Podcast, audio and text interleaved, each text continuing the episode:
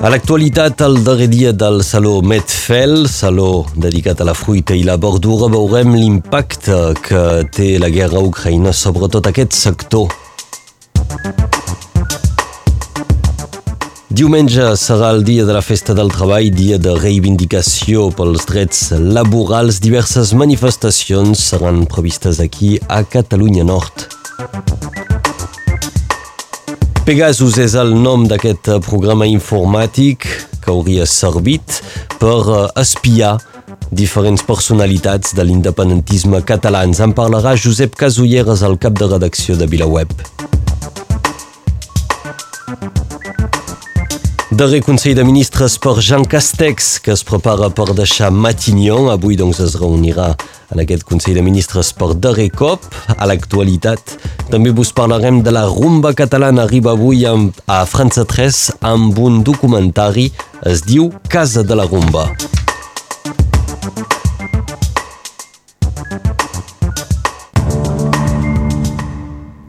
Segon i últim dia del Medfel a Perpinyà. Es tracta del Saló Professional del sector de la fruita i verdura. Va ser inaugurat ahir en presència del prefecte i molts elegits locals.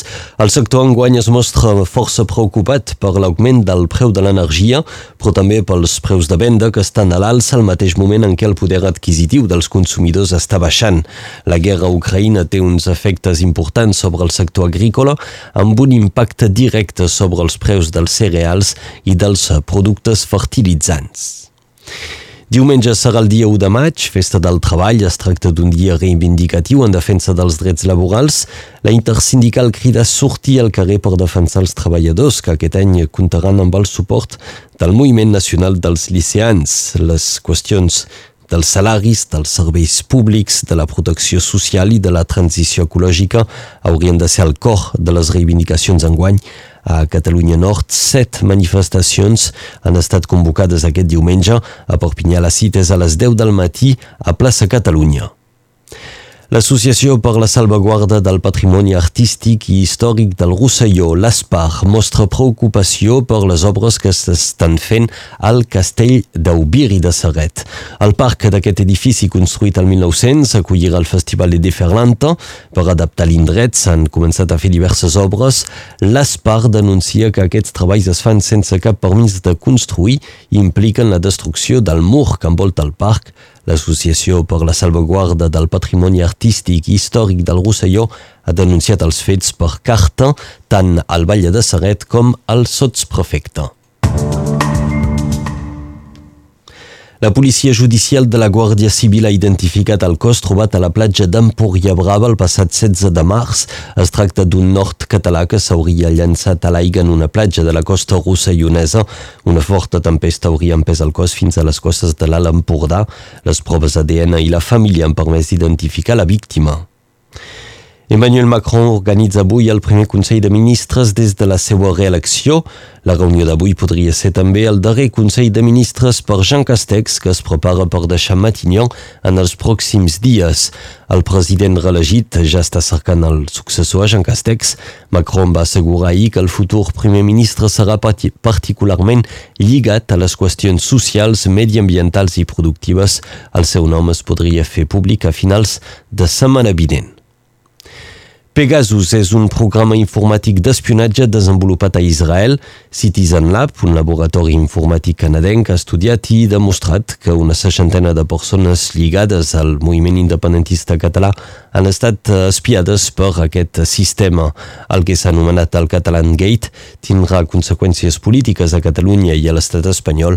Ens ho explica Josep Casulleres, el cap de redacció del portal informatiu VilaWeb efectivament depèn del govern espanyol, el, el CNI, i depèn del govern espanyol també eh, la policia i la cúpula policial també hi ha sospites de que l'hagi pogut utilitzar pel seu compte per espiar els independentistes. Per tant, hi ha una responsabilitat lògica i clara del govern espanyol. Quines conseqüències pot tenir això? Ho haurem de veure, perquè Esquerra Republicana fins ara està donant suport en el Partit Socialista en el Congrés espanyol. Està donant estabilitat durant aquesta legislatura, aprovant pressupostos i permetent que tirin endavant lleis molt eh, clau, no? lleis molt decisives de la legislatura. Veurem si això continua sent així. Aquest dijous hi ha una sessió al Congrés important que és quan el govern espanyol ha de convalidar el decret de mesures econòmiques per la guerra d'Ucraïna. És, un, és una votació molt important i aquí eh, hi haurà, serà la primera prova de foc en què es veurà si Esquerra Republicana fa ús d'aquesta capacitat de pressió a, a Madrid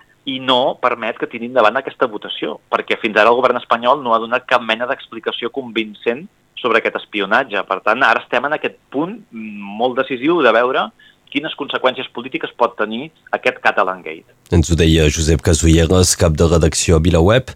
La majoria de personalitats afectades pel cas d'espionatge contra l'independentisme català presentaran avui les querelles que determinaran eh, qui va ser responsable del Catalan Gate. Els efectes volen que els afectats, perdó, volen que s'investigui quants dirigents polítics i personalitats de l'independentisme han estat espiades, quants diners va costar, qui és a la iniciativa de l'operació i quins delictes es van cometre. Tant el govern espanyol com els mitjans de Madrid han deixat entendre que hi ha hagut espionatge contra l'independentisme i que sembla que va més enllà del CNI i els serveis secrets espanyols. TV3 i Catalunya Ràdio canviaran de direcció. El nou Consell d'Administració de la Corporació Catalana de Mitjans Audiovisuals es va reunir ahir per preparar el relleu de les direccions. El relleu a Vicent Sánchez i a Saúl Gordillo es farà gràcies a un procés de selecció inèdit en els mitjans públics que haurà de ser resolt abans del 30 de setembre. Escòcia vol celebrar un nou referèndum d'independència l'any 2023, així ho va assegurar ahir la ministra d'Afers Rurals, Mairi Gujon, que era de visita a Catalunya. La ministra considera imprescindible que el referèndum sigui reconegut internacionalment, però avisa que Londres prova d'impedir aquest referèndum. Acabem destacant la rumba catalana que avui arriba a França 3 amb la difusió del documentari Casa de la Rumba de Bernard Giglio.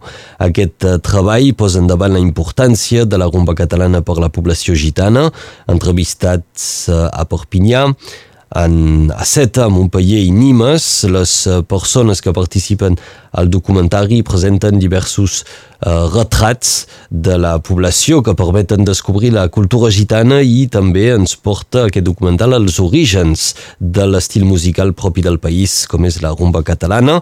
El podreu descobrir aquest treball Casa de la Rumba, aquesta nit a França 3 a partir de les 10 i 35.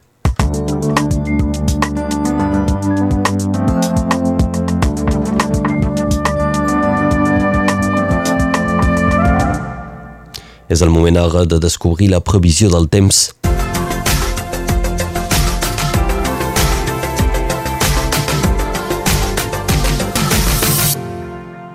Avui uns núvols de pols arianes estan sobre els nostres caps, però si no plou no en veurem els efectes. Dels vents de març d'aquest matí passem a una tramuntana de força mitjana. El sol de tant en tant passa a través de dos blocs de núvols. La situació no és clara, l'ambient és variable. A les falses del Canigú i d'altres relleu pot provisquejar. En canvi, en altitud tenim probablement xàfecs i tempestes a la tarda o al vespre. Per les temperatures són del tot normal per la temporada, 14 a Puigbaladús, 16 a Sallagusa i a Toès, 19 a Codalet, 22 a Rigardà, 20 a Tuí i a Elna, 21 a Reiners, 18 a Sant Llorenç de Cerdans, 17 a Port Vendres, 20 al Soler, 22 a Vingrau, 21 a l'Esquerda. A Alacant, només 16 grau i molta pluja. El 28 d'abril de 1938, les autoritats republicanes espanyoles ordenen la mobilització dels joves de la lleva del 41, coneguts com la lleva del biberó. El 28 d'abril de 1969, Charles de Gaulle dimiteix de la presidència de la República Francesa arran del referèndum que ha perdut. És avui l'aniversari del cantant Jacques Dutronc. Segons el calendari Terra Nostra és Sant Aimat, és també Santa Valèria i Santa Teodora. És el Dia Internacional de la Salut en el Treball.